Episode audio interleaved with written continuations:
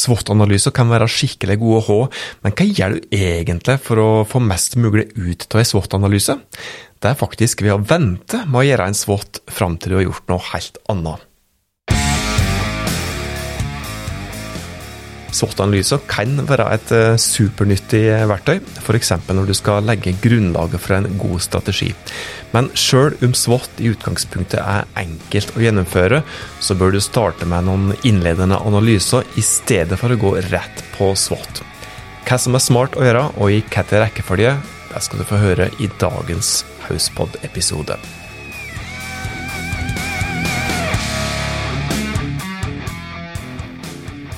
Hjertelig velkommen til en ny episode av Hauspodden. Dette her er podkasten fra fagfolket i Haus. Også her for å hjelpe deg med å nå små og store mål i den virksomheten, i den organisasjonen som du jobber i. Jeg heter Tormod Sperstad. Tusen takk for at du hører på Hauspodden, da. Først en liten eh, klapp på skuldre til vedkommende som egentlig sette meg på denne her eh, ideen til rent tematisk, denne podkastepisoden. Som eh, denne gangen faktisk var en eh, slektning av meg som skulle inn i ei avsluttende intervjurunde i forbindelse med en ny jobb. Og det har seg slik at i forbindelse med det siste jobbintervjuet så hadde vedkommende fått et case i form av ei oppgave der eh, vedkommende da skulle legge en eh, strategi som skulle bidra til å nå et ganske så konkret eh, mål i ei ganske så stor virksomhet. Og I caset var det òg bedt om å gjøre noen analyser som skulle bygge opp under strategien. Og kanskje litt tilfeldig så spurte den slektningen om jeg kunne se over presentasjonen som hun hadde laga i forbindelse med caset, om jeg hadde noen gode råd. Og jeg er ikke så vanskelig å be i slike tilfeller, så jeg så jo da gjennom presentasjon. Og når jeg kom til analysedelen der, så var det da, ikke så uventa kanskje, ei SWOT-analyse. SWOT-analyser så ganske så fornuftig ut i form av det som var lagt inn som styrker som svakheter, muligheter og, og trusler, som da er kjerna i SWOT. Eh, litt smårusk i forbindelse med noen interne punkt som var lagt inn som trusler. Med andre ord var de feil plassert i SWOT-en, de skulle være på eksternt i stedet. Men det viktigste forbedringstipset kom når jeg spurte om hvilke analyser som var gjort i forkant av SWOT-en, og som hadde danna grunnlag for SWOT-analyse. Og Svaret var at det var gjort en konkurrentanalyse, men ikke noe særlig mer reelle analyser ellers, kun vurderinger. Og SWOT-en var med andre ord basert på vurderinger og vurderinga det er bedre enn bare synsing, altså, men eh, likevel, det var ikke gjort eh, relevante internanalyser og eksternanalyser i forkant av SWOT-en. Nå tenker du kanskje at ja, men en SWOT er jo nettopp en kombinert uh, ekstern og intern analyse, der vi ser både på interne faktorer og eksterne faktorer. Er jo sant, det, men greia er for at du skal få en så kvalitativt god SWOT som mulig, og være sikker på at du virkelig får med deg de reelle og viktigste. Jeg vil faktisk òg gå så langt som å si at eh, ja, de mest forretningskritiske punktet til i, i, hver enkelt rute i analysen, eller gå hermetegn i lufta nå, i, i SWOT-en, så bør du faktisk gjøre egne intern og ekstern analyser. For en virkelig god SWOT er faktisk en oppsummering av de viktigste funnene i ekstern og intern analyser som blir gjort før selve SWOT-en.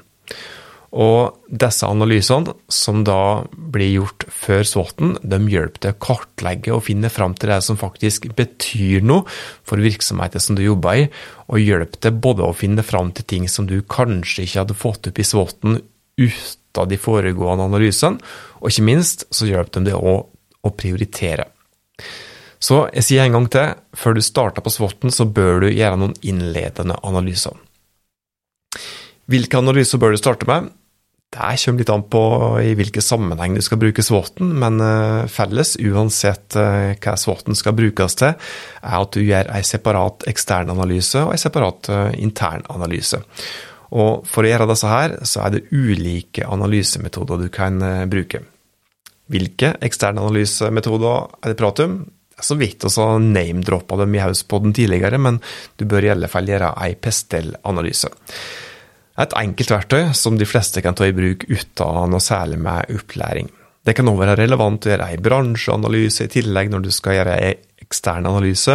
Og her er f.eks. Eh, Porters fem konkurransekrefter eh, ei analysemetode som er utrolig mye brukt.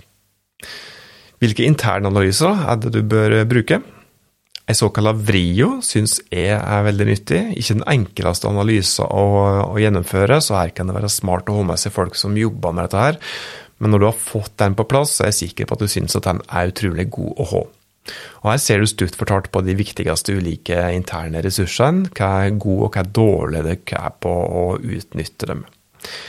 Verdikonfigurasjonsanalyse det er et annet, kanskje mer selvforklarende ord når du skal jobbe med med internanalyser, og her ser du, enkelt forklart, på alle aktivitetene som også blir delt inn i såkalte støtte- og hovedaktiviteter, som inngår i den verdikonfigurasjonen som er relevant for det.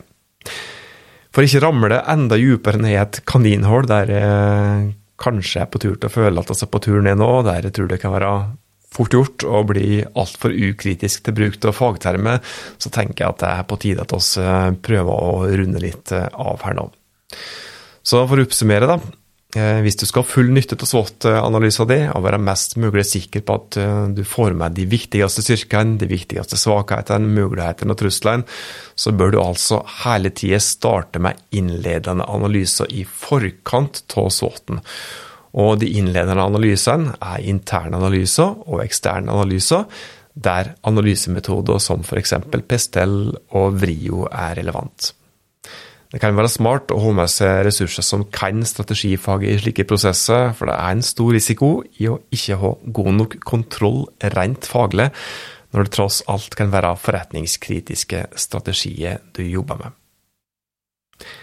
Før oss avslutta, så lurer du kanskje på hvordan det gikk i jobbintervjuet med vedkommende som innleder denne episoden med å fortelle om.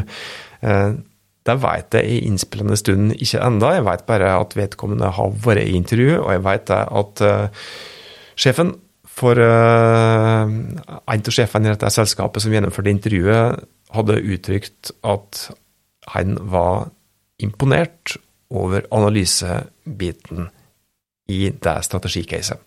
Så et eller annet uh, var nok sannsynligvis uh, rett. Uh, skal ikke ta ære for dette her, men det kan nok hende at forklaringer rundt det som er gjort i forkant av SWOT-analyser, hadde spilt ei i hvert fall liten rolle her.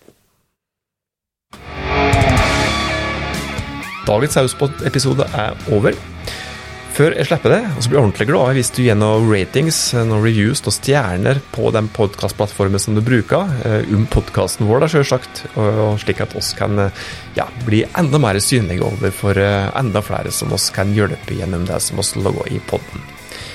Inntil oss høres neste gang, ta godt vare på det og dine.